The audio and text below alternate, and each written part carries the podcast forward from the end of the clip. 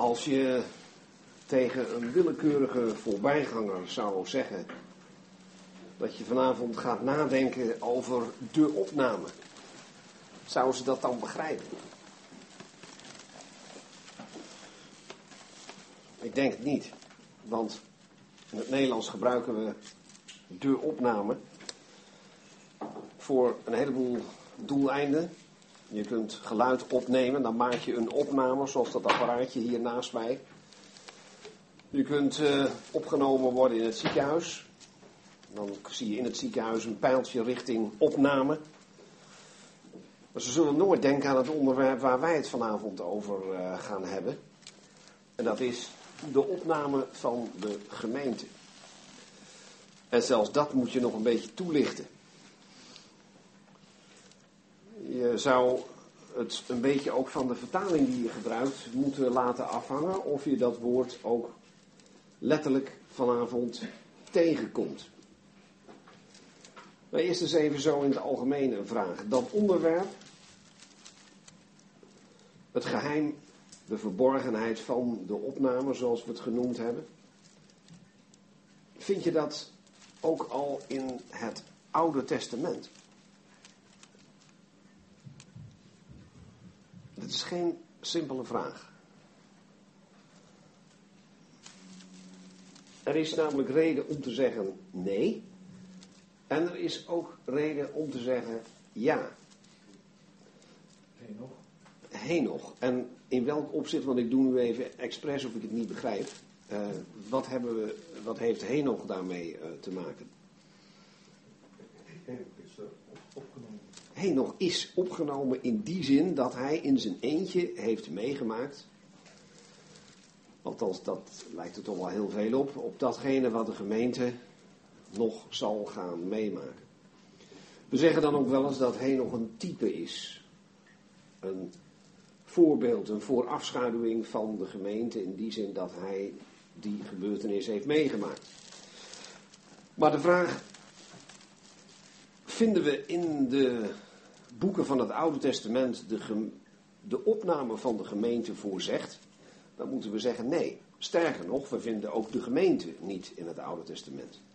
Want dat was ook een verborgenheid, een geheim van God. En daar hoort ook bij de opname van de gemeente.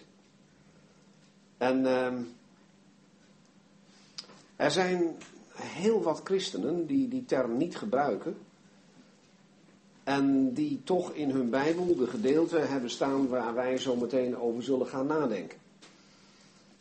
En er zitten ook wel best wat uitlegkundige probleempjes aan vast. Ik wil het ook niet simpeler maken dan het is. Maar aan de andere kant denk ik toch, en dat wil ik vanavond laten zien, dat ik denk dat het Nieuwe Testament een hele duidelijke lijn uitzet over dit onderwerp. Wie is in het Nieuwe Testament de eerste die, zonder dat woord te gebruiken, over de opname van de gemeente heeft uh, gesproken? Wat is de vroegste vermelding? Zonder dat dat woord opname daar al wordt gebruikt. Ik hoor iemand een schriftgedeelte noemen, maar ik vroeg naar een persoon. Ja, dat is de Heer Jezus zelf. En uh, inderdaad, laten we daar maar eens gaan beginnen met Johannes, Evangelie naar Johannes, hoofdstuk 14. En omdat het zo'n klein stukje is, lees ik dat zelf voor. Die twee wat langere gedeelten daarna, die verdeel ik weer keurig over, uh, over de groep.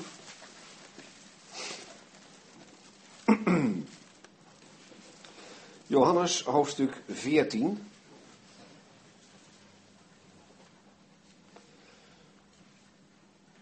Vers 1. Laat uw hart, zegt de Heer Jezus, daar niet ontroerd worden. U gelooft in God, gelooft ook in mij. In het huis van mijn vader zijn vele woningen. Als het niet zo was, zou ik het u hebben gezegd, want ik ga heen om u plaats te bereiden. En als ik ben heen gegaan en u plaats heb bereid, kom ik weer en zal u tot mij nemen, opdat ook u zult zijn waar ik ben. Dit is een, uh, een heel belangrijk gedeelte. Dat overigens door veel christenen toegepast wordt op het sterven. En je kunt voor alle momenten van het leven uh, zegen halen uit dit gedeelte. Maar de meeste zegen haal je er toch uit als je het niet op het sterven laat slaan, maar op een belofte die nog vervuld moet worden voor ons allemaal, zelfs nog aan degenen die al gestorven zijn. Dat zullen we straks zien. De Heer Jezus zegt eerst tegen de gelovigen hier dat uh, er best aanleiding is om ontroerd te worden. Anders zou de Heer niet zeggen: laat uw hart niet ontroerd worden. Dat zegt de Heer omdat daar duidelijk aanleiding voor is. En die aanleiding die zou je bijvoorbeeld kunnen zien in vers 33 van het hoofdstuk hiervoor. Waar de Heer Jezus zegt, Johannes 13, vers 33, kinderen, zegt hij tegen de discipelen, nog een korte tijd ben ik bij u. U zult mij zoeken en, zoals ik de Joden heb gezegd, waar ik heen ga, kunt, gij, kunt u niet komen. Zeg ik nu ook u. En dan wordt in een gesprekje met Petrus daarop doorgegaan. Vers 36. Simon Petrus zei tot hem: Heer, waar gaat u heen? Die is ineens wakker geschrokken en denkt van wat heb ik nou gehoord? Waar ik heen ga kunt u niet komen. En de Heer herhaalt dat en zegt in 36b, waar ik heen ga kun je mij nu niet volgen. Maar je zult mij later volgen. En Peter snapt dat niet en zegt, vers 37, Heer, waarom kan ik u nu niet volgen? Nou, en dan gaat het verder over die belofte die Petrus doet en die hij niet kan waarmaken. Maar de discipelen hebben het ook gehoord en die weten de Heer gaat weg. En ze zijn daar best van ondersteboven. De Heer zegt, dat moet je niet doen. 14 vers 1, laat uw hart niet ontroerd worden. Je gelooft in God.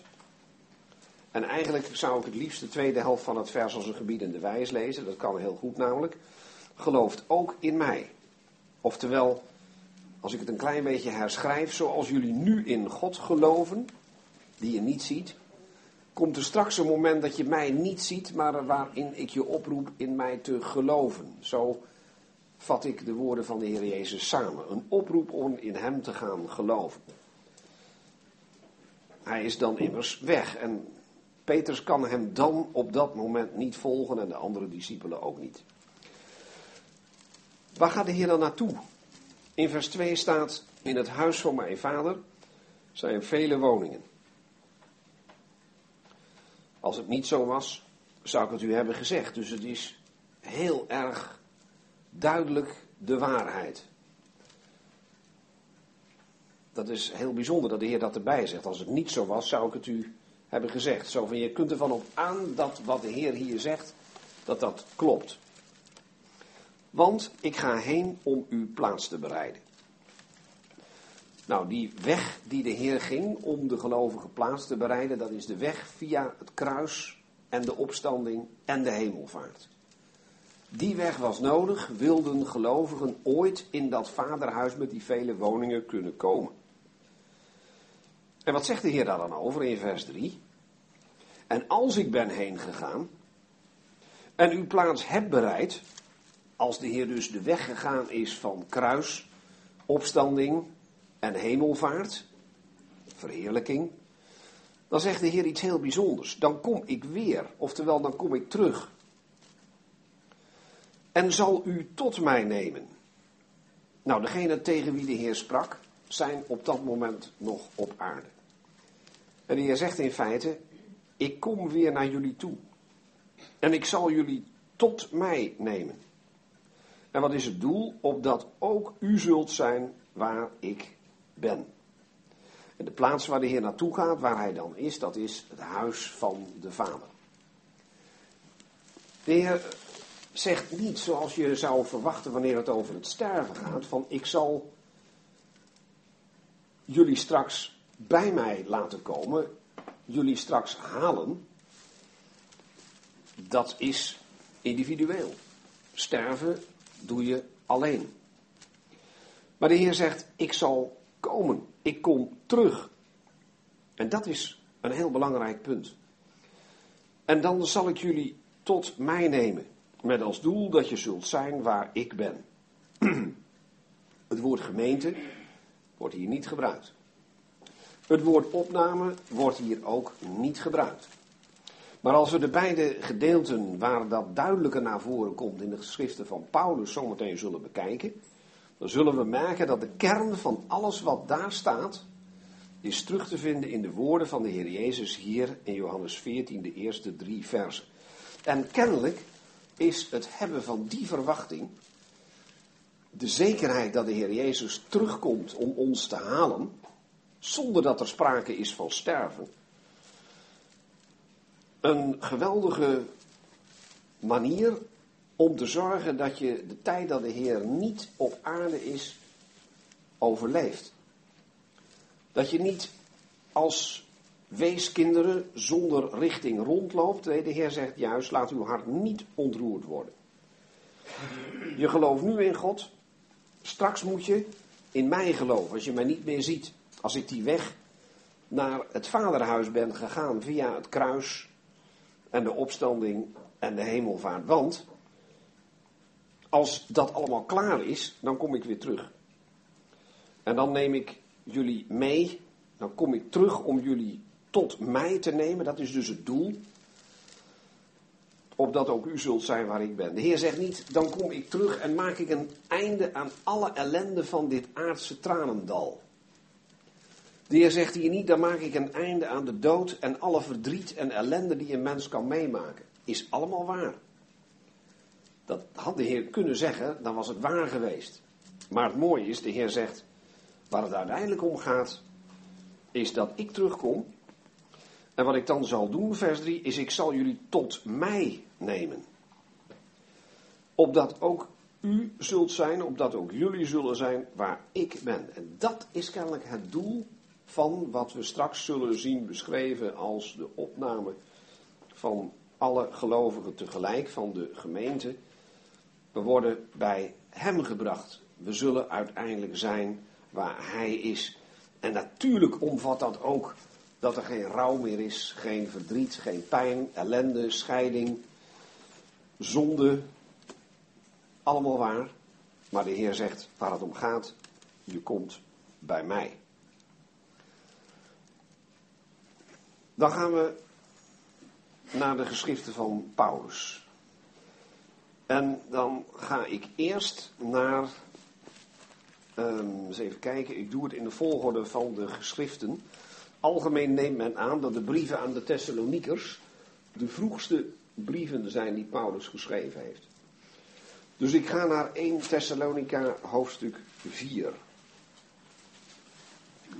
1 Thessalonica hoofdstuk 4. En dan lezen we vers 13 tot en met 18. Maar we willen niet dat u onwetend bent, broeders, wat betreft hen die ontslapen. Omdat u niet bedroefd bent, zoals ook de overigen die geen hoop hebben. Want als wij geloven dat Jezus is gestorven en opgestaan, evenzeer zal God ook de door Jezus ontslapenen met hem brengen. Want dit zeggen wij u door het woord van de Heer, dat wij, de levenden die overblijven tot de komst van de Heer, de ontslapenen, geen zin zullen voorgaan. Want de Heer zelf zal met een bevelend roepen, met de stem van een aartsengel en met het bezuin van God neerdalen van de hemel, en de doden in Christus zullen eerst opstaan. Daarna zullen wij, de levenden die overblijven, samen met hen in wolken worden opgenomen, de Heer tegemoet in de lucht. En zo zullen wij altijd met de Heer zijn. Vertroost daarom elkaar met deze woorden. Ja. Hebben we nu gelezen over de opname?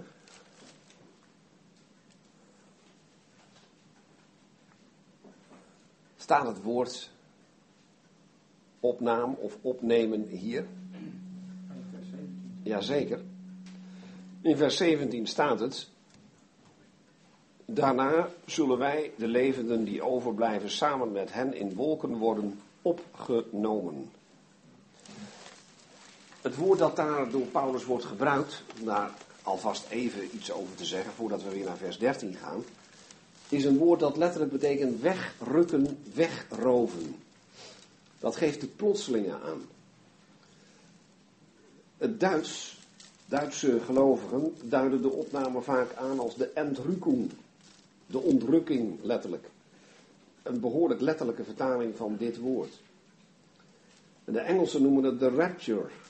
En dat is weer een woord afgeleid van de Latijnse vertaling van het woord dat Paulus hier in het Grieks gebruikt. Het woord rapere.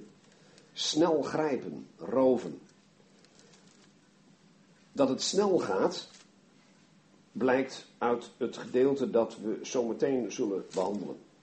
Maar die snelheid blijkt ook al in het woord dat Paulus hier kiest. Hij gebruikt dus niet een zelfstandig naamwoord, opname. En de apostel schrijft ook niet een dogmatisch handboek, een theologisch leerboek, waarin hij in paragraaf 5, bij wijze van spreken, de opname van de gemeente behandelt. Dat het over de gemeente gaat, ja, dat weten we omdat deze brief gericht is, 1 Thessalonica 1 vers 1, aan de gemeente van de Thessalonikers in God de Vader en de Heer Jezus Christus. Dus de aangesprokenen horen bij een plaatselijke gemeente. Anderzijds wordt het woord gemeente ook gebruikt voor de wereldwijde kerk, alle gelovigen samen. En wat hier wordt beschreven geldt natuurlijk niet alleen maar in Thessalonica. Maar het woord opname is ontleend aan het door Paulus gebruikte woord in 1 Thessalonica 4 vers 17. Ik meen, als ik me goed herinner, dat in het Afrikaans sprake is van de wegraping. Een, ook in onze ogen misschien wat grappig woord, dat die mensen overigens bloedserieus bedoelen. maar je moet de gevoelswaarde even niet meewegen. Daar is ook in opgenomen dat het iets is dat snel plaatsvindt. Snel en radicaal. En als we dit goed gelezen hebben, dan hoorden we misschien op de achtergrond de woorden van Johannes 14 er nog gedeeltelijk in terug. Want hoe begon de Heer Jezus in Johannes 14 met te zeggen dat de gelovigen niet ontroerd moesten worden? Nou, de gelovigen in Thessalonica, die liepen ook de kans dat ze behoorlijk van de kook waren. Niet zozeer omdat de Heer Jezus weg was, want die hadden ze nooit ontmoet. De discipelen hadden de Heer Jezus gewoon zien lopen, hem horen spreken drie jaar lang. En de Heer bereidde ze voor op de tijd dat hij er niet zou zijn. Maar de Thessalonikers waren over iets anders uh, van de kaart. En dat is, hoe moest dat nou verder gaan met degenen die overleden waren? Die ontslapen waren. Want Paulus heeft in Thessalonica onderwijs gegeven over de toekomst. Daar hebben we al een keer aan gedacht. Toen in de tweede brief, het tweede hoofdstuk bekeken. En daar een vers zagen dat ons daar iets over zegt. In 2 Thessalonica 2 vers 5. En dat is toch een voorsprong die de Thessalonikers hadden boven ons. Bij alles wat Paulus zegt over de toekomst kon hij als het ware zeggen, 2 Thessalonica 2 vers 5, herinnert u zich niet dat ik u dit gezegd heb toen ik nog bij u was? Paulus heeft dus een cursus over de toekomst gegeven.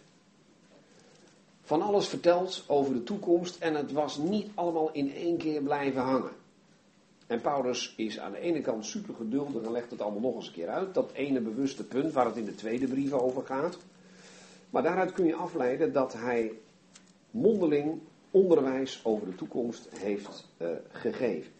En kennelijk hebben die Thessalonikers naderhand gedacht, ja dat is allemaal prachtig. We hebben ook iets gehoord over de opname en over de verschijning. Maar hoe zit dat nou met de gelovigen, onze broeders en zusters, die al bij de Heer zijn, die al overleden zijn, eh, maken die daar nog dat mooie, dat schitterende gebeuren hier op aarde mee?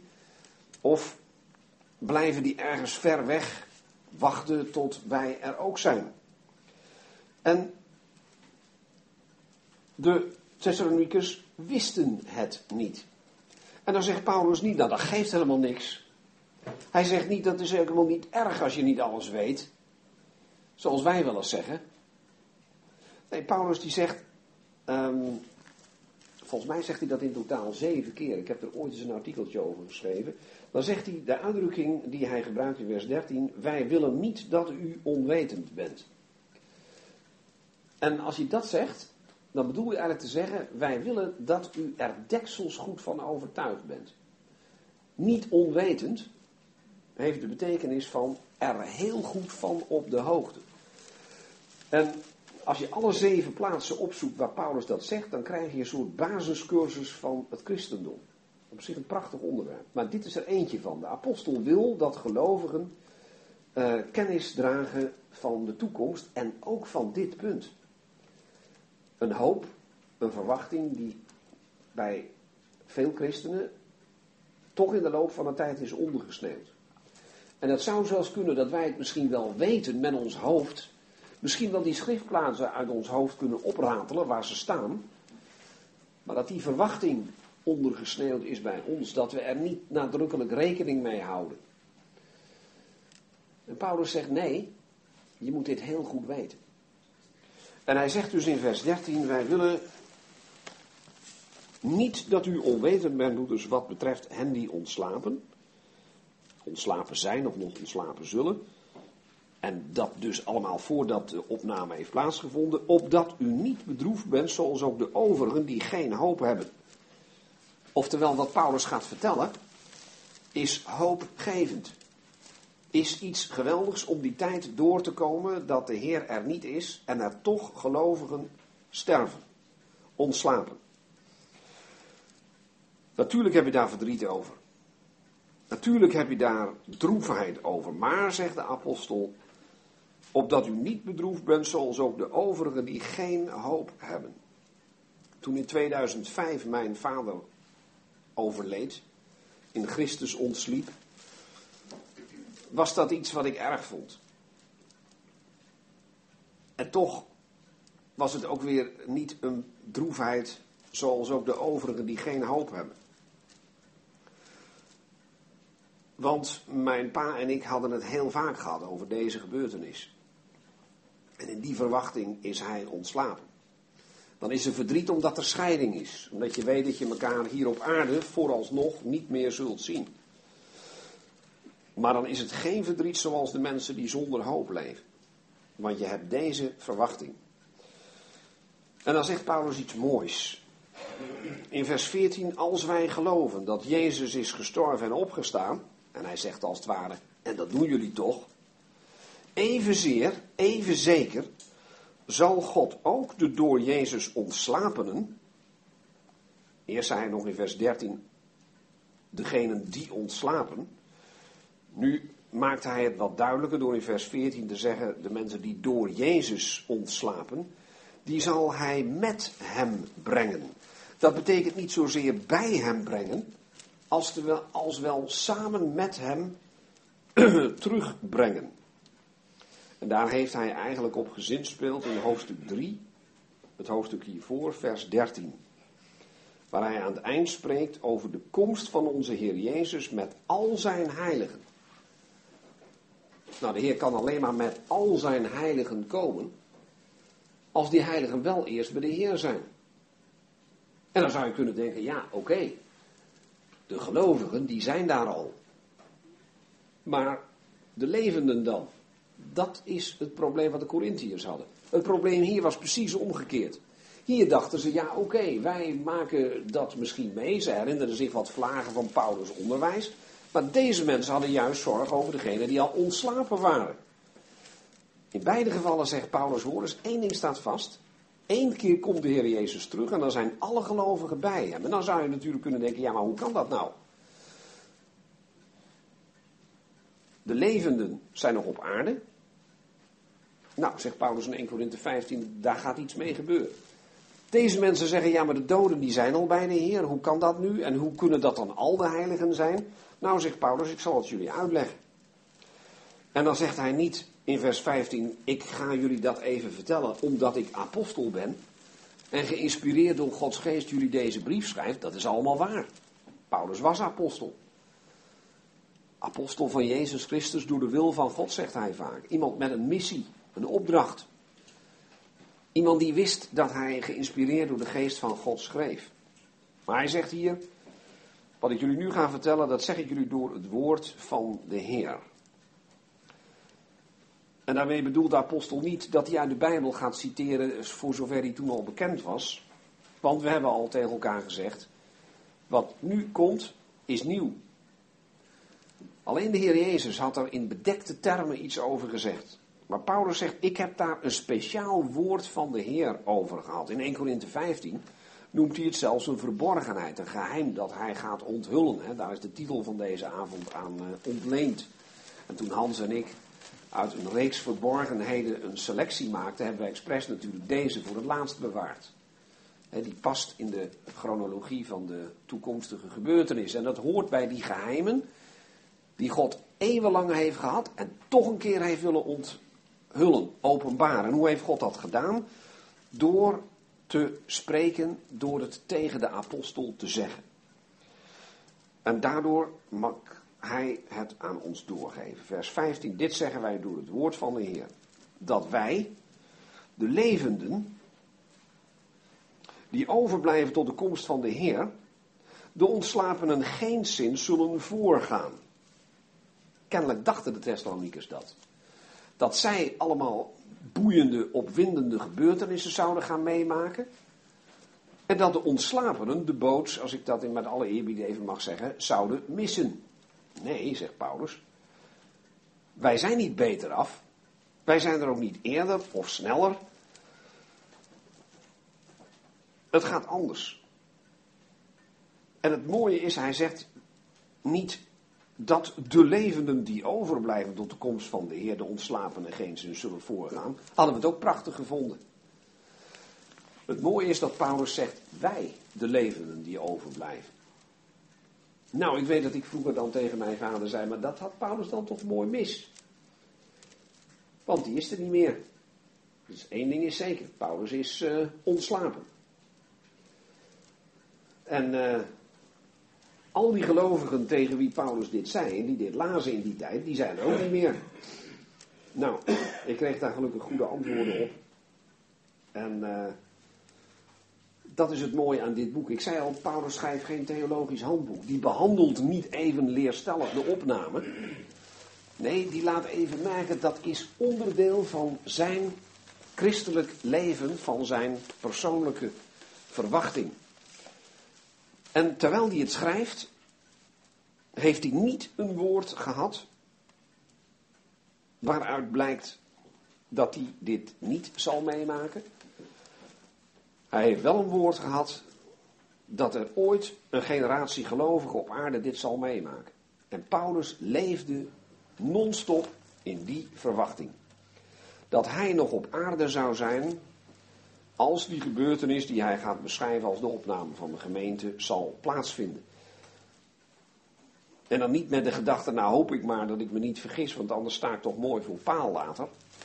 Nee, Paulus leert ons hier dat onderwijs geven over de toekomst voor hem hetzelfde is als leven in de verwachting van die toekomst. Dat zo serieus nemen dat hij daar 100% deel van uitmaakt. En niet vanuit Olympische hoogten doseert aan een stel aardwormen die dat misschien zullen meemaken. Nee, zegt hij, wij, de levenden, die overblijven tot de komst van de Heer. Hadden we gelezen, hè, Johannes 14, die zegt, ik zal komen. De ontslapenen geen zin zullen voorgaan. Want, hoe gaat dat dan? Waarom gaan we niet eerder dan die ontslapenen? De Heer zelf zal met een bevelend roepen, bevelend roepen, alle gezag ligt bij degene die roept, met de stem van een aartsengel en met de bazuin van God. Wat doet de Heer zelf? Die zal neerdalen. Klopt. Heeft de Heer Jezus gezegd, ik zal komen. De Heer zal neerdalen. Niet een engel, er wordt wel even gesproken over de stem van een aartsengel, dat mag, die mag uh, geluid laten horen. Maar degene die neerdaalt is, vers 16, is de Heer zelf, persoonlijk. Hij daalt neer van de hemel. En wat gebeurt er dan? Nou zegt Paulus, jullie waren bang dat die doden in Christus uh, tweede rang zouden zitten bij deze gebeurtenissen. Nee, zegt hij, die maken het juist uh, eerste rang mee. De doden in Christus, oftewel zoals hij ze net heeft genoemd, degenen die in Jezus zijn of door Jezus zijn ontslapen. De doden in Christus, vers 16, zullen eerst opstaan. Dat gebeurt. Oftewel, de graven gaan open en zij staan op. Daarna, het is dus chronologische volgorde, zullen wij, dan zegt hij het nog eens een keer, de levenden die overblijven. Hij noemde ze in vers 15 de levenden, wij de levenden die overblijven tot de komst van de Heer. Nou, er komt dan een moment dat de Heer inderdaad komt. En dan zullen wij, de levenden die overblijven, samen met hen, oftewel met degenen die al overleden waren, maar nu zijn, of liever gezegd, dan zullen zijn opgestaan, samen met hen in wolken worden opgenomen. De Heer tegemoet in de lucht. Dus de Heer komt, maar de graven gaan open. En degenen die dan nog leven gaan samen met die opgewekte gelovigen niet staan wachten tot de Heer op aarde landt en zijn voeten zullen staan op de olijfberg. Dat gaat wel gebeuren, maar dat is hoofdstuk 3 vers 13. Dat is als de Heer later nog eens een keer terugkomt met dat hele gezelschap samen, dat nu vanaf de aarde naar hem toe gaat. Dus dit eerst. Dus wij de levenden, samen met degenen die dan zijn opgewekt, gaan samen met deze mensen in wolken worden opgenomen, de Heer tegemoet in de lucht. En zo zullen wij altijd, en dan staat er niet in de hemel zijn, of in het vaderhuis zijn, helemaal waar, met de Heer zijn. En dat had de Heer Jezus zelf ook gezegd. Opdat ook u zult zijn waar ik ben. Ik zal u tot mij nemen, heeft hij gezegd. En Paulus, geïnspireerd door dezelfde geest die hij mag bezitten omdat de Heer Jezus verheerlijkt is en de geest heeft uitgestort, beantwoordt als het ware de vragen die leefden in de harten van de Thessalonikers letterlijk in dezelfde geest als waarin de Heer sprak in Johannes 14. De Heer tegemoet in de lucht. En zo, dat heeft twee betekenissen. En op die manier, maar ook en vervolgens. Allebei tegelijk. Dus niet op een andere manier en ook niet op een ander moment. Maar en zo zullen wij altijd met de Heer zijn als ergens in de brief aan de Romeinen, ehm, Romeinen 11, staat en zo zal heel Israël behouden worden, dan is dat niet alleen maar een manier waarop, maar ook een tijdstip waarop. Namelijk als de volheid van de volken zal zijn ingegaan. Ik laat alleen maar even horen en zo betekent vaak gelijktijdig en daarna. En dat is ook hier zo. En zo, in de zin van nadat we op deze wijze zullen zijn opgenomen en direct daarna, zullen wij altijd met de Heer zijn. Hè, opdat ook u zult zijn waar ik ben. En wat is het effect van alles wat hier staat? Vertroost daarom elkaar met deze woorden. En dat had de Heer Jezus gezegd tegen zijn discipelen die liepen de kans ontroerd te worden omdat ze ineens zich realiseren dat ze de Heer niet meer in hun midden zouden hebben. Deze mensen waren verdrietig omdat ze niet wisten hoe het in de toekomst zou gaan met de overleden ontgelovigen. in beide gevallen zegt de Heer, die toekomstverwachting van mijn persoonlijke komst om jullie te halen, is iets dat kan helpen overeind te blijven dat kan je troosten, dat kan je bemoedigen. En deze mensen die waren verdrietig. Maar, zegt hij, dat mag, maar niet zoals degenen die geen hoop hebben. En daarom vertelt hij ze even wat voor hoop ze hebben. Zodat hij kan zeggen, als het ware, en nou ik jullie verteld heb wat voor verwachtingen ik heb. Wat voor hoop wij samen mogen hebben. Wij die toch verwachten levend over te blijven tot de komst van de Heer. Wij mogen elkaar daarom oproepen om elkaar daarom, dus op basis van wat hij net gezegd heeft, te vertroosten met deze woorden. Niet alleen maar met deze verwachting, waar je over kan praten, maar ook met deze woorden. Door dit letterlijk te lezen. En ik heb heel wat keren bij begrafenissen, bij het open graf, dit horen voorlezen. En natuurlijk had ook een broeder kunnen zeggen, wat fijn dat dit niet het einde is. En dat wordt ook vaak gezegd. En als het een gelovige is, dan kun je inderdaad zeggen, maar hij of zij zal weer opstaan. En als de Heer komt, zal dit gebeuren, zal dat gebeuren. Helemaal waar. Maar als ik het navertel in mijn woorden, kan het nooit zo mooi zijn als wat Paulus hier zegt. Die zegt, vertroost daarom elkaar met deze woorden. Want dit is het woord van God. Wat ik zeg niet. Ik kan het proberen uit te leggen. Proberen verbanden te leggen. Accenten te laten zien. Parallellen. Uiteindelijk zijn het Paulus' woorden. En die weet het weer door het woord van de Heer. Dat is het woord van God. En daarmee mogen we elkaar die troost geven. Dat is de eerste keer dat Paulus hier uitvoerig over spreekt. Er is nog een gedeelte, daar doet hij het uitvoeriger. En dan zijn er nog een paar kleine uh, uitspraken. Maar ik ga eerst nu naar een wat uitvoeriger gedeelte. En dat is 1 Korinthe 15. 1 Korinthe 15, vers 51. Zie, ik zeg u een verborgenheid. Wij zullen niet allen ontslapen, maar wij zullen allen veranderd worden in een ondeelbaar ogenblik, in een oogwenk, bij de laatste bazuin. Want de bazuin zal klinken en de doden zullen onvergankelijk worden, opgewekt en wij zullen veranderd worden. Want dit vergankelijke moet onvergankelijkheid aandoen en dit sterfelijke onsterfelijkheid aandoen. En wanneer dit vergankelijke onvergankelijkheid zal aandoen en dit sterfelijke onsterfelijkheid zal aandoen, dan zal het woord uitkomen dat geschreven staat, de dood is verslonden tot overwinning. Waar is dood, uw prikkel? Waar is dood, uw overwinning? De prikkel nu van de dood is de zonde, en de kracht van de zonde is de wet. Maar God zij dank die ons de overwinning geeft door onze Jezus Christus.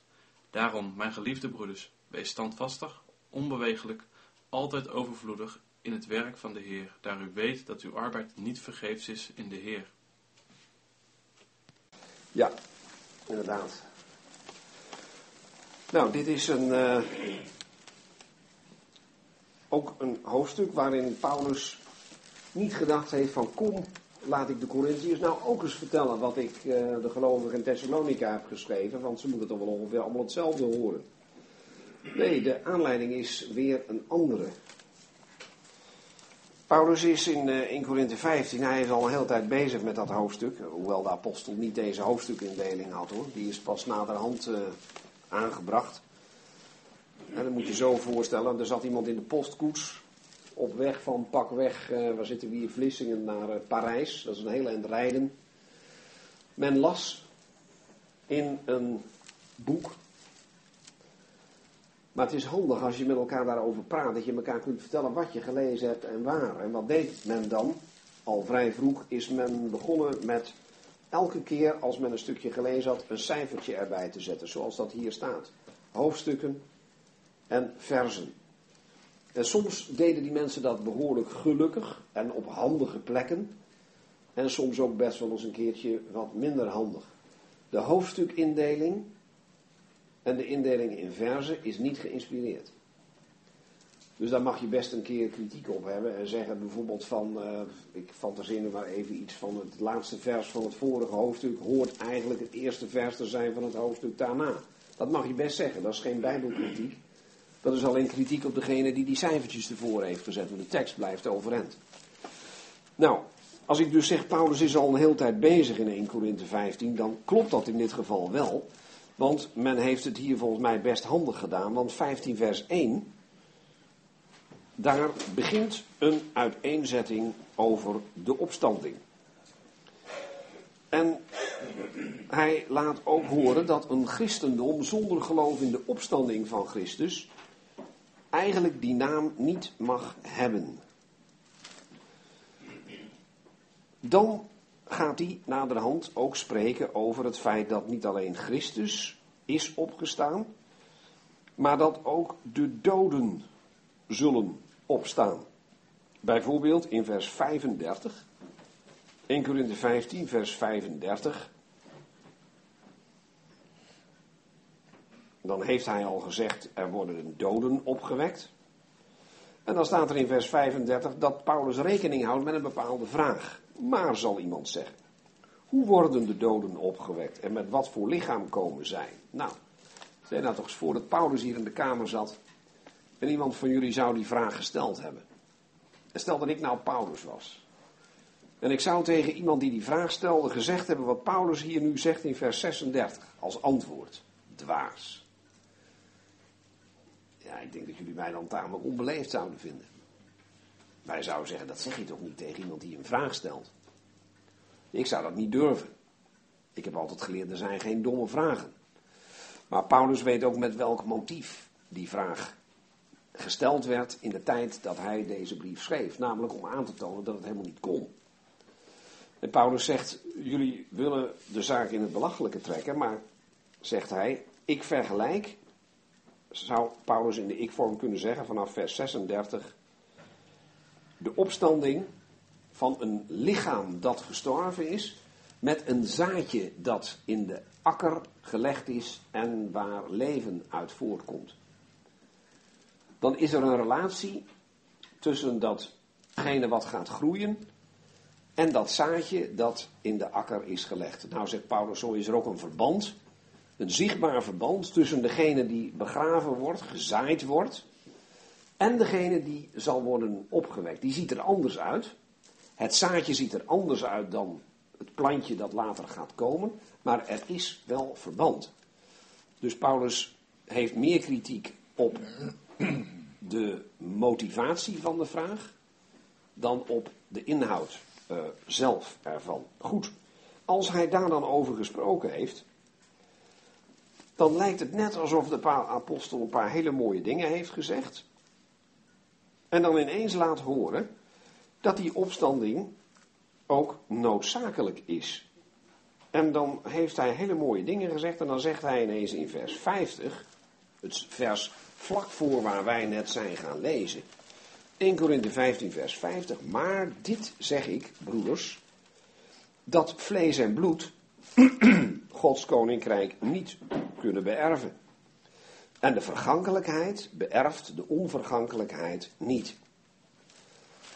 En eigenlijk zegt de apostel daarmee, de opstanding is niet alleen maar een interessant leerstuk.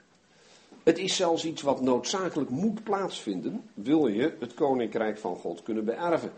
Want daar past niet de vergankelijkheid. Daar past niet vlees en bloed.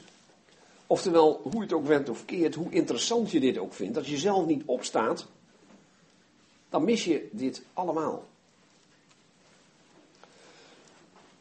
En dan zou iemand kunnen denken, ja maar wacht eens even, ik, eh, als ik nou, eh, als ik nou nog niet gestorven ben dan tegen die tijd, maar ik leef nog, wat dan? Nou, dat de doden in Christus eerst zullen opstaan, dat hebben we gelezen in 1 Thessalonica 4. Maar deze mensen zitten met de vraag van, ja maar als ik dan nog leef, en ik leer nu van Paulus, vlees en bloed kan het koninkrijk van God niet beërven. Hoe kan ik dan zorgen dat ik opsta als ik nog leef? Moet me dan doden of zo? Nee, zegt Paulus, dat gaat anders. En dan gebruikt hij het woord verborgenheid. Dus met de titel De verborgenheid of het geheim van de opname hebben Hans en ik eigenlijk twee schriftgedeelten gecombineerd. Het woord geheim, verborgenheid, staat hier. 1 Korinthe 15, vers 51. En het woord opnemen stond in 1 Thessalonica 4. Maar we zijn ervan overtuigd dat het over dezelfde gebeurtenis is. En dat die beide beschrijvingen weer te herleiden zijn tot de kern van de woorden van de Heer Jezus in Johannes 14. En dan zegt Paulus, maak je geen zorgen. Jullie hoeven helemaal niet eerst te sterven om te kunnen opstaan. Hij zegt namelijk, wij zullen niet allen ontslapen. En dan zegt hij ook niet, maar wij zullen allen op een andere manier opstaan. Dat zouden wij misschien gezegd hebben om het duidelijk te maken. Nee, de apostel zegt het veel duidelijker eigenlijk. Hij zegt, maar wij zullen allen wij, de levenden die overblijven door de komst van de Heer, wij zullen allen veranderd worden. Daarom staat er ook in de Tedelsvertaling boven, in vers 51, misschien ook in andere vertalingen. Het gaat hier in dit stukje over de verandering van de levenden. Ook dit soort opschriftjes, dit soort kopjes zijn niet geïnspireerd.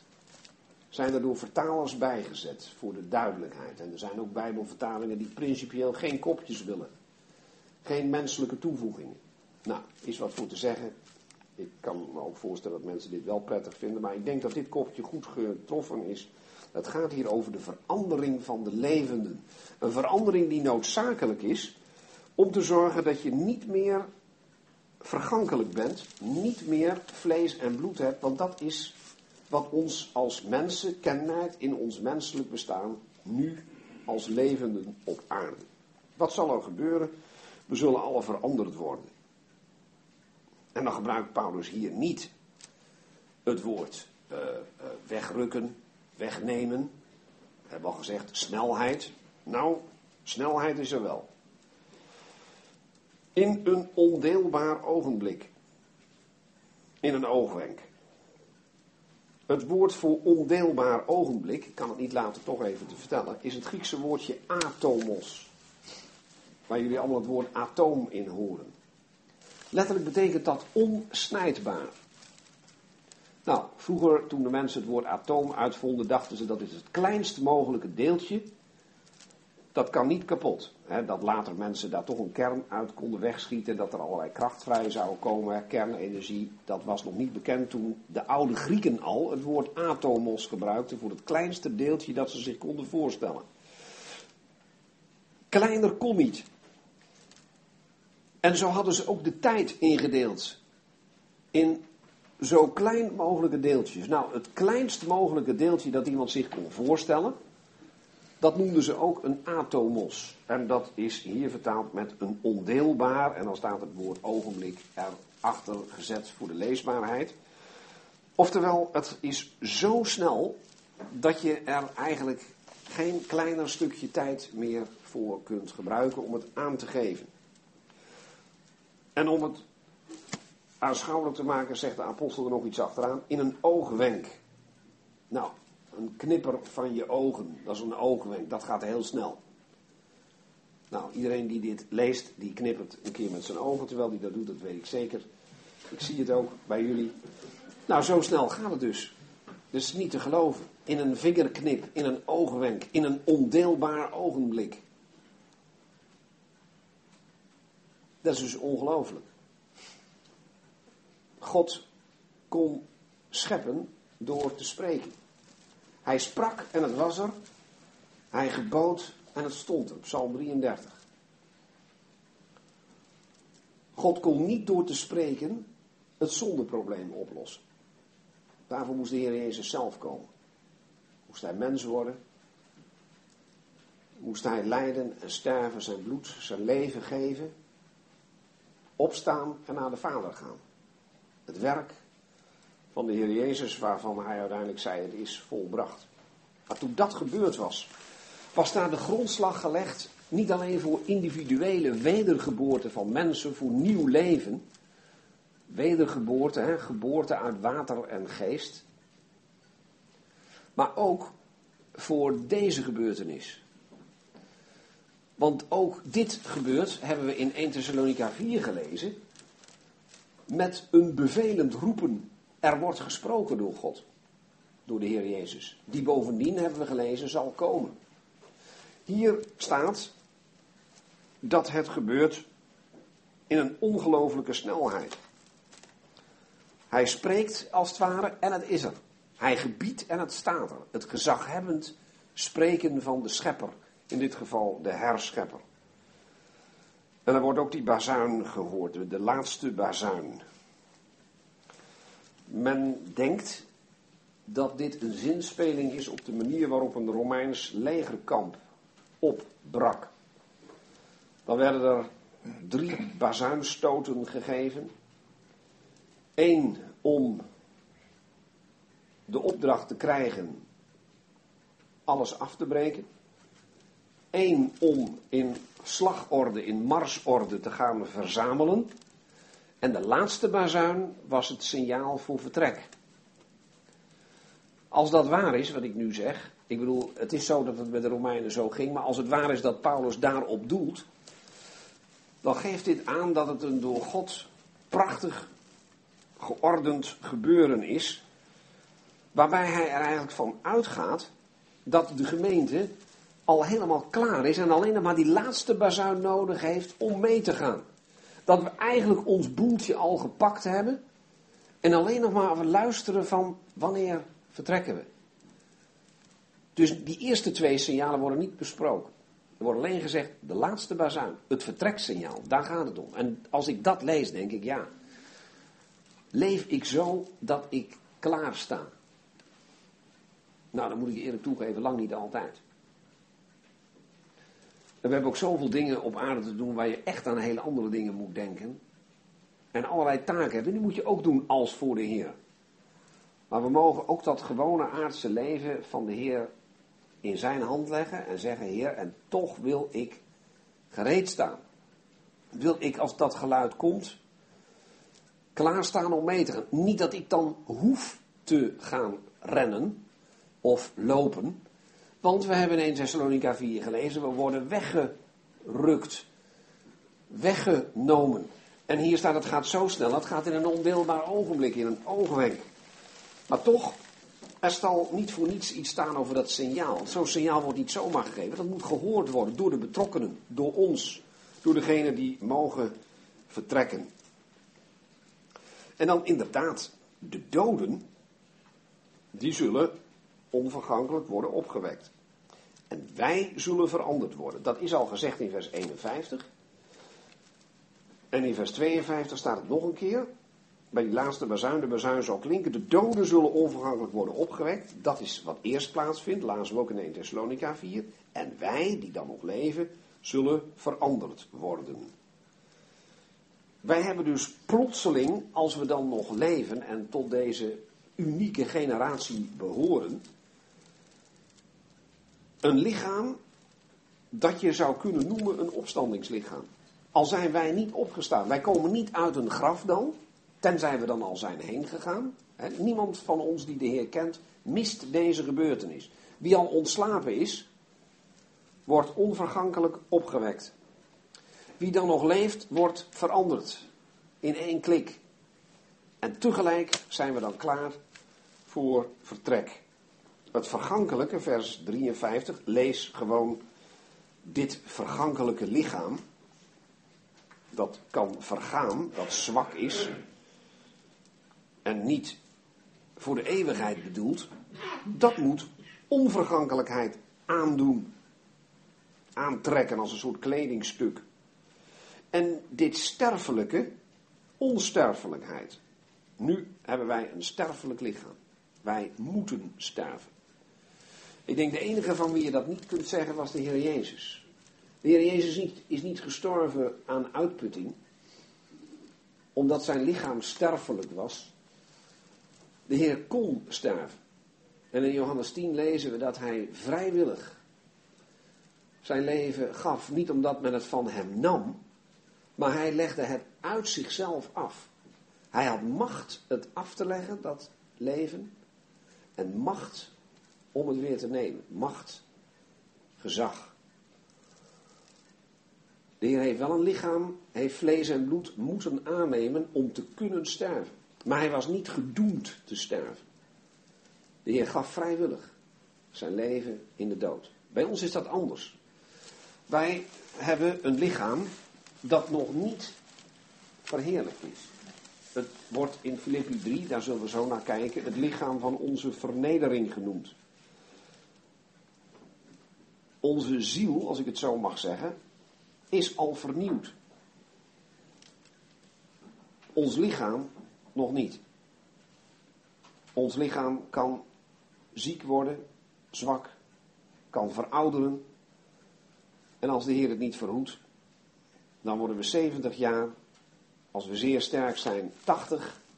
In onze tijd soms zelfs 90 of 100. Zuster Voorhoef is geloof ik 101 op dit moment. Maar ook zij is niet onsterfelijk.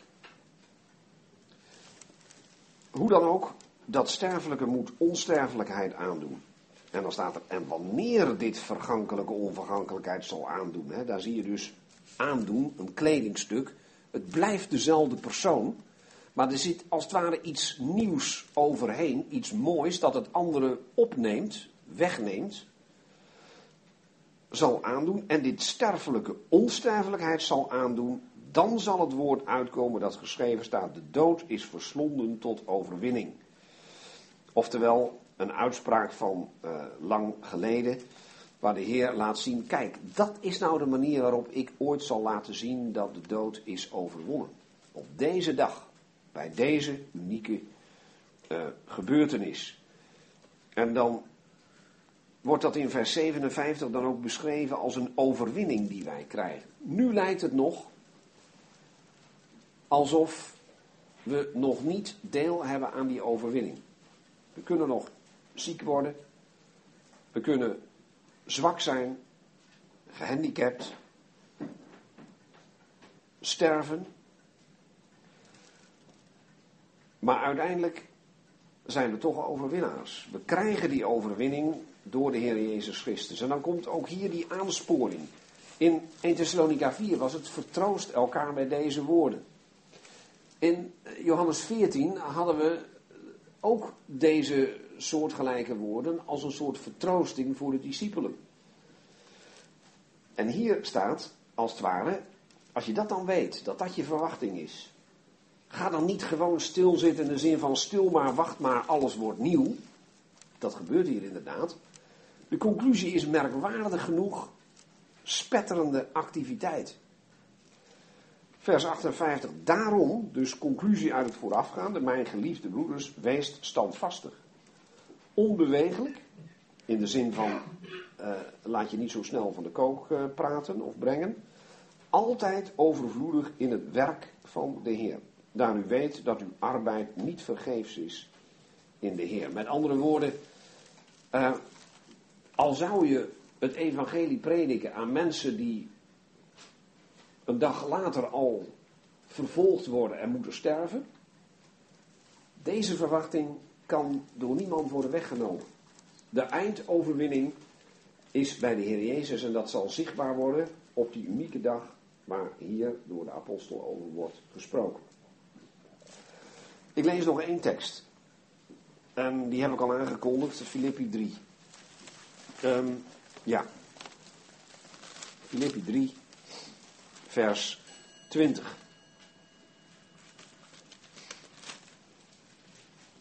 En ik wou vragen om te lezen vanaf vers 18. Dus vers 18 tot en met 21.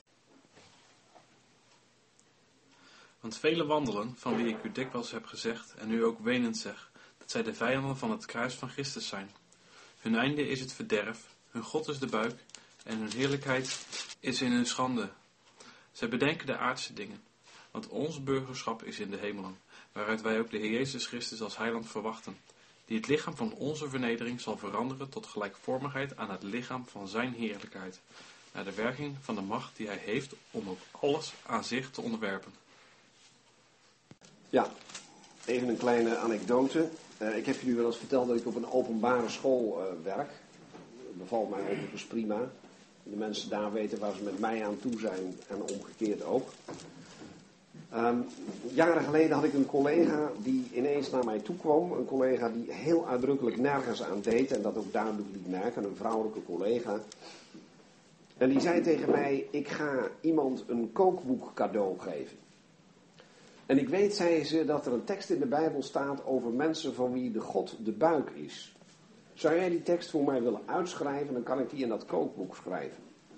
Nou, ik had natuurlijk kunnen opschrijven, wie God is de buik. Filippi 3, vers 19. Maar dat deed ik niet. Ik heb het opgeschreven vanaf vers 18. En ik heb doorgeschreven tot vers 21. Op een papiertje en dat aan haar gegeven.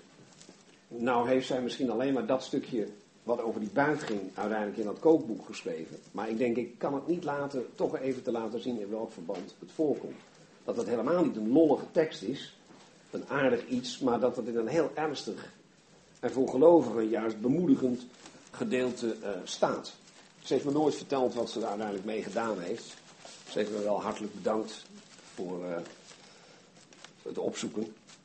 Maar goed, dat, eh, vanaf dat moment moet ik aan die collega denken als ik dit, eh, dit stukje lees. En aan dat kookboek, gek genoeg ook.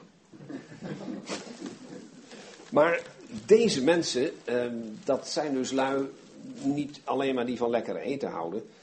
Als staat dat de buik je God is, dan betekent dat dat je alleen maar leeft voor je aardse lichamelijke genoegens. Uh, waarschijnlijk zelfs zedeloosheid, omdat er meteen achteraan staat: hun heerlijkheid is in hun schande. Zij bedenken de aardse dingen. Nou, misschien dat wij niet zo ver gaan dat onze God de buik is en dat onze heerlijkheid in schandelijke daden is. Maar als ik lees aan het eind van vers 19, zij bedenken de aardse dingen, dan moet ik eerlijk toegeven dat er momenten zijn dat ik me soms met een schok realiseer dat ik misschien niet altijd noodgedwongen, toch best flink wat tijd heb besteed aan het bedenken van aardse dingen. Soms moet het. We staan gewoon met beide benen op de grond en in deze maatschappij, dat moeten we dan ook goed doen. Werken eh, als voor de Heer. Maar hier gaat het over mensen die zijn aardsgezind. Als er staat die gezindheid zij in u die ook in Christus Jezus was, Filippi 2 vers 5, dan wordt het woord gebruikt dat hier betekent, uh, wat hier uh, in het Nederlands is weergegeven als bedenken.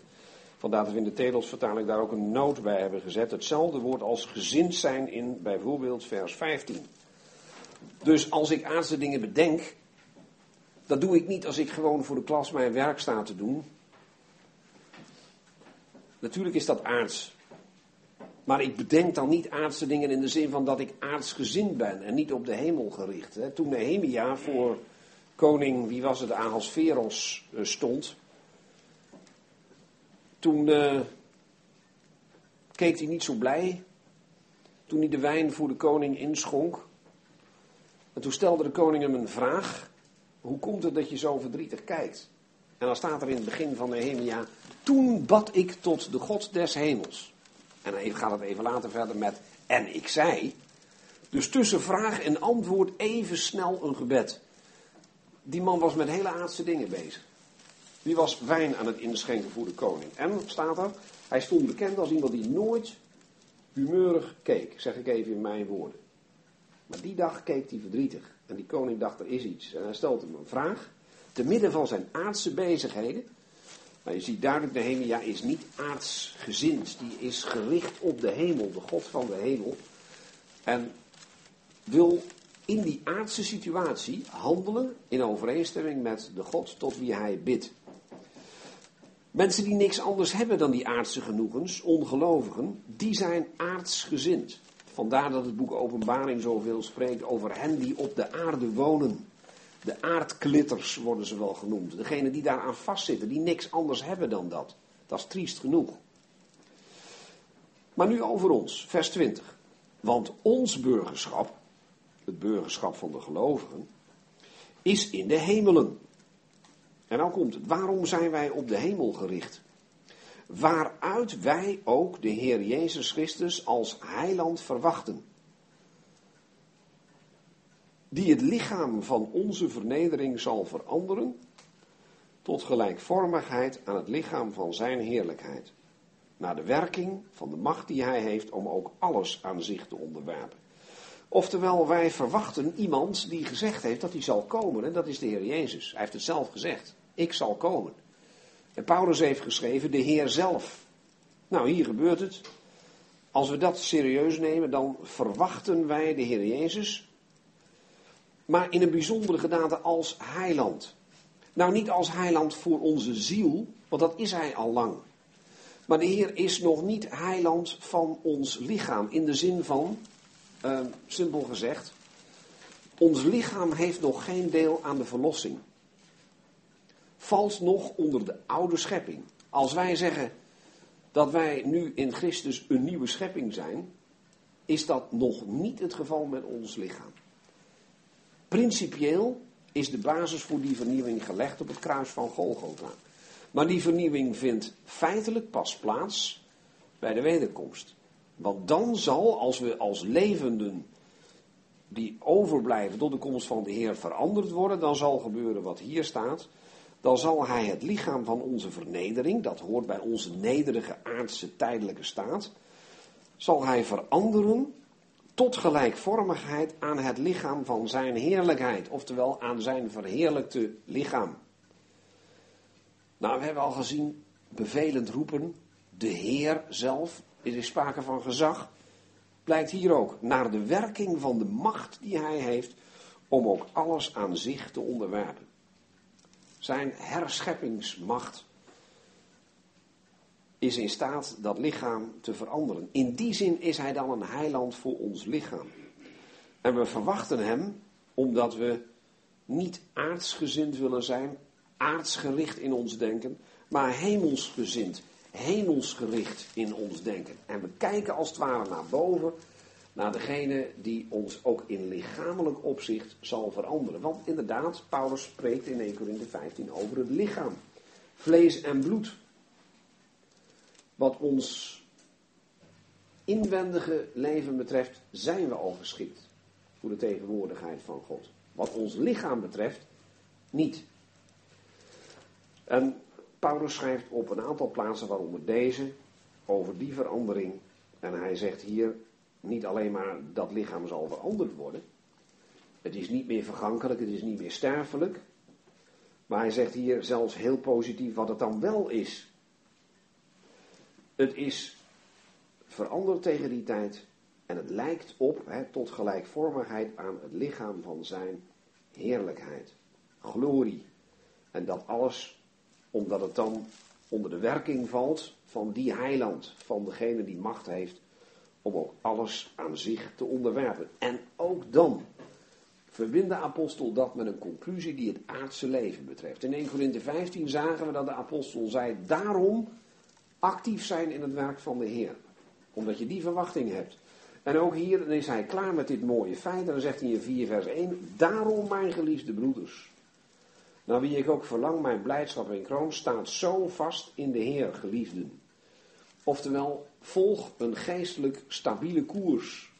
Sta vast in de Heer, want je weet één ding zeker. Hij staat klaar om ons, ook wat ons lichaam betreft, geschikt te maken om voor altijd bij Hem te zijn in dat vaderhuis. Met die vele woningen waar we uiteindelijk terecht zullen komen. Nou, dat is wat ik naar voren zou willen brengen over dit uh, onderwerp in eerste instantie. Ja, de vraag die uh, gesteld is, is deze: of ik iets zou kunnen zeggen over het uh, moment van de opname ten opzichte van de periode waar ik helemaal niets van gezegd heb, namelijk de grote verdrukking. Dat is um, voor velen best een heet hangijzer. en er bestaan ongelooflijk veel visies op dat punt. Er zijn gelovigen die zeggen dat de Heer Jezus de gemeente op zich of tot zich neemt voor de grote verdrukking, halverwege de grote verdrukking, of anderszins tijdens de grote verdrukking, dan wel pas op het eind. Hè? Eigenlijk dus daarna. Um, ja, en de vraag was dan wat ik denk. De gedachte die ik zelf zou willen verdedigen, is dat eh, de gemeente voor de grote verdrukking wordt opgenomen. Britten eh, of Engelstalige mensen hebben het heel makkelijk als het gaat om het aangeven van hun profetische positie. Die zeggen, en ik ga die termen niet uitleggen nu, maar mijn profetische positie is pre-mill en pre-trip. Oftewel voor het vrederijk en voor de grote verdrukking. Die afkorting moet u maar eens een keer napluizen. Daar gaat het me nu even niet om. Maar ik zal proberen te laten zien waarom ik dat denk. En een tekst die daar heel belangrijk voor is, is Openbaring 3. Het tiende vers. Dan moet ik eerst even zeggen dat ik geloof dat openbaring 2 en 3 de geschiedenis van de gemeente in een aantal fasen tot nu toe bespreekt. En waarom ik dat denk heeft te maken met hoofdstuk 1, vers 19, maar dat zal ik nu niet gaan lezen. Die gedachte zal hier zeker bekend zijn in deze ruimte. En dan kom ik op openbaring 3, vers 10 en daar wordt gezegd tegen een van de laatste gemeenten. En die laatste gemeenten, daar wordt steeds ook over het komen van de Heer gesproken, dus die bestaan kennelijk tot zijn komst. Openbaring 3, vers 10. Omdat u het woord van mijn volharding hebt bewaard, zal ik ook u bewaren voor het uur van de verzoeking dat over het hele aardrijk zal komen, om te verzoeken hen die op de aarde wonen. Ik kom spoedig. Houd wat u hebt, opdat niemand uw kroon neemt. Daar wordt gesproken tot een, uh, een groep gelovigen van wie eigenlijk alleen maar positieve dingen worden gezegd. En het enige minpunt, dat is hun zwakheid. Kleine kracht. In vers 8 hebt u. En u hebt mijn woord bewaard en mijn naam niet verlogend. En wat betekent dat bewaren van het woord? Kennelijk is dat wat we in vers 10 vinden omdat u het woord van mijn volharding hebt bewaard. Dat is best een moeilijke uitdrukking. Die zou je kunnen lezen als um, de opdracht om mij te blijven verwachten. De prediking omtrent mijn verwachting. Nou, er zijn gelovigen die, uh, die dat doen, die daardoor gekenmerkt worden in een fase van de geschiedenis van de gemeente. En zegt de Heer, omdat dat zo is, zal ik ook u, ook jullie, bewaren voor het uur van de verzoeking. Dat over het hele aardrijk zal komen. Bewaren voor kun je ook vertalen met houden buiten bereik van. En er staat niet bewaren voor verzoeking, want Paulus maakt op allerlei plaatsen duidelijk, onder andere in het boek eh, Handelingen, hoofdstuk 14, vers 23, dat wij door vele verdrukkingen het koninkrijk van Gods binnengaan. Dus gelovigen kunnen nooit claimen dat ze geen last zullen hebben van verdrukkingen, van verzoekingen. Maar het gaat hier over het uur van de verzoeking. En als je bewaard wordt voor een uur, een tijdsperiode, dan is het wel heel erg lastig om dit te lezen als bewaren in het uur van de verzoeking, zoals sommige vertalingen het zelfs lezen. Um, Terwijl er werkelijk het woordje uitstaat. Houden uit, houden buiten bereik van, bewaren voor dat uur van de verzoeking. En dat lees ik dan zo, dat de apostel, pardon, ehm, de engel van de gemeente, die dus de woorden van de heilige, de waarachtige citeert, dat is de Heer Jezus zelf, die zegt volgens mij hier de Heer Jezus, ik zal zorgen dat jullie dat uur niet meemaken. En dat komen, voor de gelovigen, ja, dat moet het komen zijn waarover we gelezen hebben in Johannes 14 en ook in de beide gedeelten uit de brieven van Paulus vanavond. En ik vind die opname nog een keer in het boek Openbaring terug. Hier wordt de opname toegezegd. En als wij denken dat openbaring 2 en 3 het heden is, op basis van die sleutelindelingstekst 1 vers 19, Johannes moest opschrijven wat hij gezien had. Nou, dat is alles wat aan 1 vers 19 vooraf gaat. Wat is en wat hierna geschieden zal. En dat hierna, dat is het begin van hoofdstuk 4. Conclusie, dan is hoofdstuk 2 en 3, wat is? Het heden van de genade en ook van de gemeente. En dan is het toch wel heel erg treffend dat Johannes een soort mini-opname, een soort mini-hemelvaart mag meemaken in de geest. En als dan hoofdstuk 2 en 3 klaar zijn, dan staat er in vers 4, hierna zag ik, en zometeen komt het woord hierna nog een keer, namelijk aan het eind van het vers, 4 vers 1, openbaring 4 vers 1, hierna zag ik en zie een deur was geopend in de hemel. En de eerste stem die ik gehoord had, was van een bazuin die met mij sprak, zei: Kom hierop. En ik zal u tonen wat hierna moet gebeuren. En als je dan ziet wat Johannes dan in de hemel ziet, dan ziet hij daar de 24 oudsten. Op 24 tronen, die zitten daar in alle rust, klaar met gouden kronen.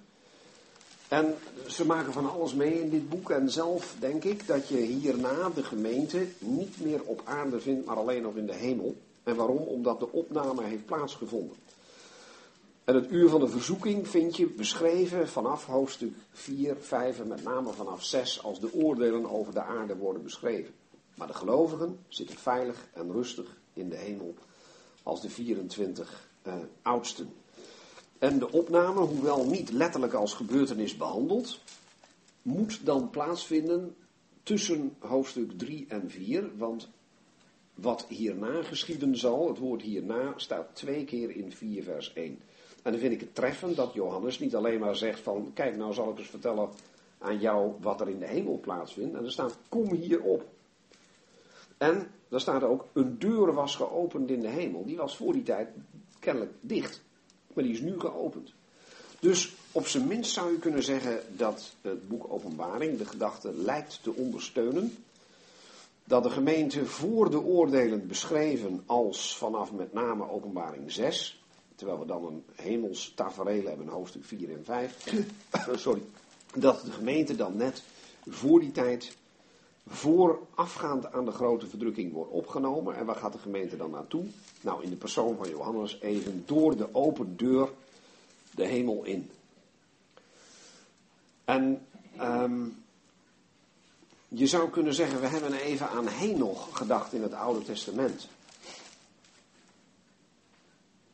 Als we die geschiedenis van Henoch nog eens proberen te overdenken, in het begin van het boek uh, uh, Genesis,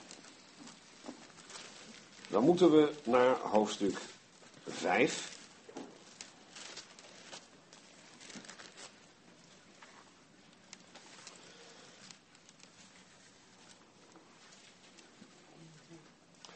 Vers 21.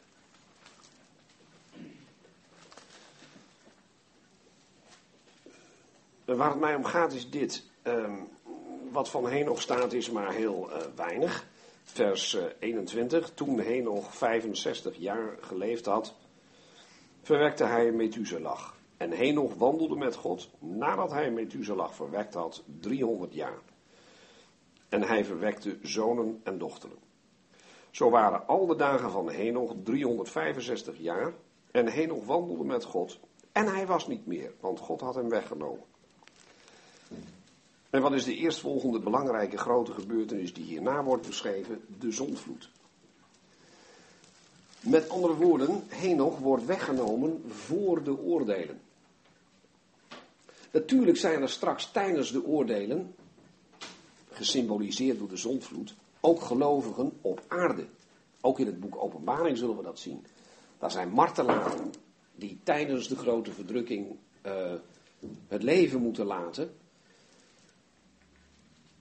En die ook een speciale behandeling krijgen, die ook apart genoemd worden. Maar ze horen niet bij de gemeente. En zo zou je kunnen zeggen, uh, zijn er ook tijdens de zondvloed gelovigen op aarde, die door de oordelen heen veilig in de ark naar hun nieuwe bestemming, de nieuwe aarde, gebracht worden, zonder dat ze al in de hemel zijn, zoals een Henoch. En daarom zou je kunnen zeggen, Henoch, als de visie klopt die ik net gezegd heb, is een type van de gelovigen die voorafgaand aan de oordelen worden opgenomen. En Noach en de zijnen zijn een beeld van degene die tijdens de oordelen op aarde zijn, trouw blijven, maar niet tot datzelfde gezelschap uh, behoren. Um, dus ik denk dat de schrift aanwijzingen geeft dat de gemeente de grote verdrukking niet meemaakt. En voor die tijd bij hem is. En pas als de gemeente weg is. We hebben het vorige keer immers gehad over de weerhouder. De weerhoudende macht in 2 Thessalonica 2. En toen hebben we vastgesteld dat een goede gedachte lijkt te zijn. Dat uh, de gemeente op aarde is en de Heilige Geest in de gemeente. Samen als weerhouders. En dan staat er ineens dat die op een gegeven moment weg is. Weggenomen wordt. En dat dan de wetteloze geopenbaard zal worden. Dan breekt, breken de oordelen los over de aarde. Als de weerhoudende macht weg is. Nou, dat lijkt ondersteund te worden door wat we zojuist hebben uh, overdacht. En daarom denk ik dat de verschijning van de Heer Jezus met al zijn heiligen pas aan het eind van de grote verdrukking plaatsvindt, zoals Matthäus 24 uh, duidelijk maakt. Dat de Heer Jezus, de Zoon des Mensen, terugkomt in een groot gezelschap van niet alleen heiligen, maar ook engelen. Niet alleen gelovigen, maar ook engelen. Uh, na die verdrukking staat er in Matthäus 24. En dan moet dat wel uh, als uh, oorzaak hebben dat die heiligen voor die tijd bij hem gekomen zijn. En dat is dus bij de opname voorafgaand aan de grote verdrukking. En dat lijkt mij de uh, manier van lezen van de schrift die best recht doet om de schriftgegevens in een passend schema te krijgen. Dus er is uh, niet één hoofdstuk dat zegt, nu zal ik even voor u allen alles even op een rijtje zetten. Dat zouden wij wel graag hebben gehad. Moet ik eerlijk toegeven, had ik best handig gevonden, zo'n hoofdstuk. Maar dat doet de apostel niet. Die behandelt het uh, als het ware uit het leven gegrepen. En als mensen onderwijs nodig hebben over de komst van de Heer die ieder moment kan plaatsvinden, waar geen gebeurtenissen aan vooraf hoeven gaan, dan laat hij dat zien en spreekt hij daarover. En op andere momenten spreekt hij over tijden en gelegenheden, over een chronologische volgorde van gebeurtenissen. En dan heeft het te maken met de verschijning van de Heer Jezus met al de zijnen in heerlijkheid. Terwijl daaraan vooraf gaat de komst van de Heer Jezus voor de zijnen. En daartussenin zit een periode van zeven jaar, waarvan de laatste drieënhalf het ernstigst zijn. En inderdaad, ik moet toegeven, er zijn gelovigen die zeggen de gemeente maakt het eerste deel van de grote verdrukking mee, maar wordt weggenomen op het moment dat uh, de ergste periode daarvan gaat komen. Ik zie die aanleiding niet. Ik denk dat het uh, de gegevens beter bij elkaar lijken te passen, zeg ik voorzichtig, als de gemeente, um, net als een Henoch, die niet tijdens de zondvloed werd opgenomen, maar daaraan voorafgaand, um, ook de gemeente voorafgaand aan die oordelen wordt opgenomen. Anders zou ik namelijk ook niet goed kunnen uitleggen wie zijn dan de 24 oudsten uh, in de hemel, uh, die je al vanaf hoofdstuk 4 daar vindt, als de periode in openbaring van het heden, de kerkgeschiedenis, voorbij is. over die grote verdrukking die je noemt. Het sprak ook over de ja, laatste jaarweek van Daniel. Die bedoelt dus te zeggen, je denkt, ben ervan overtuigd dat de gemeente wordt opgenomen voor de laatste jaarweek Ja. van Daniel. Ja. En de grote verdrukking dat is eigenlijk de tweede helft. Ja, Dat bedoel je dus. dat bedoel ik te zeggen, inderdaad. Alleen dat is eigenlijk een onderwerp apart. Ja. Want dan moet je die hele jaarweken behandelen. Dus om nog preciezer te zeggen, tussen de 69ste en de 70ste jaarweek. Ja.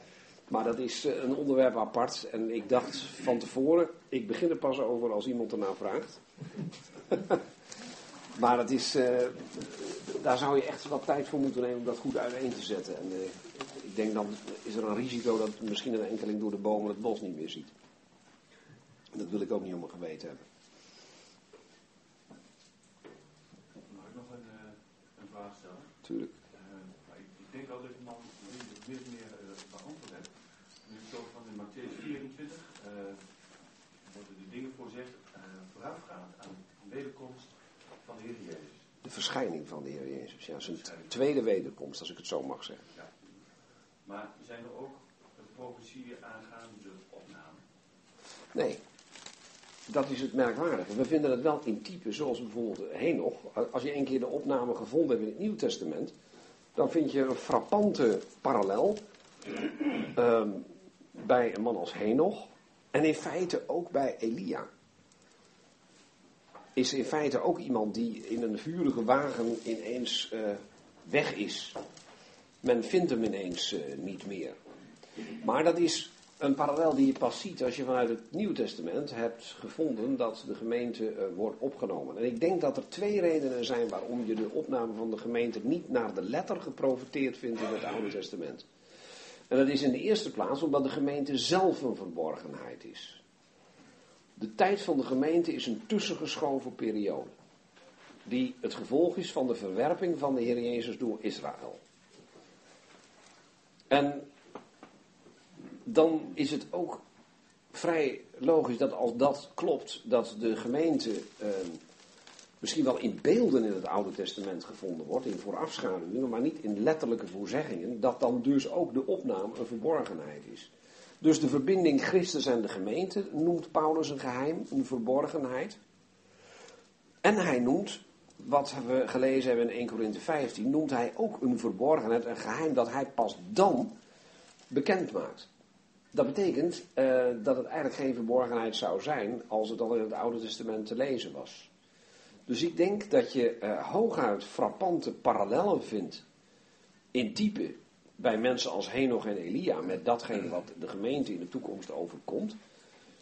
En dat ook Johannes, uh, met alle eerbied gezegd, een soort mini-opname heeft meegemaakt in geestelijk opzicht in, in openbaring 4. Maar dat de gebeurtenis als zodanig niet door de profeten is voorzien. En dat Paulus dat pas heeft mogen bekendmaken. Zowel de verbinding tussen Christus en de gemeente, hemelse mensen op aarde met een hemels hoofd verbonden, die straks samen een eenheid zijn en ook zichtbaar zullen gaan regeren. En tweede, uh, de manier waarop die twee bij elkaar zullen komen bij de opname, ook dat was een geheim, een verborgenheid, dat door Paulus weer ik bedoel dat hij dat ook heeft mogen onthullen.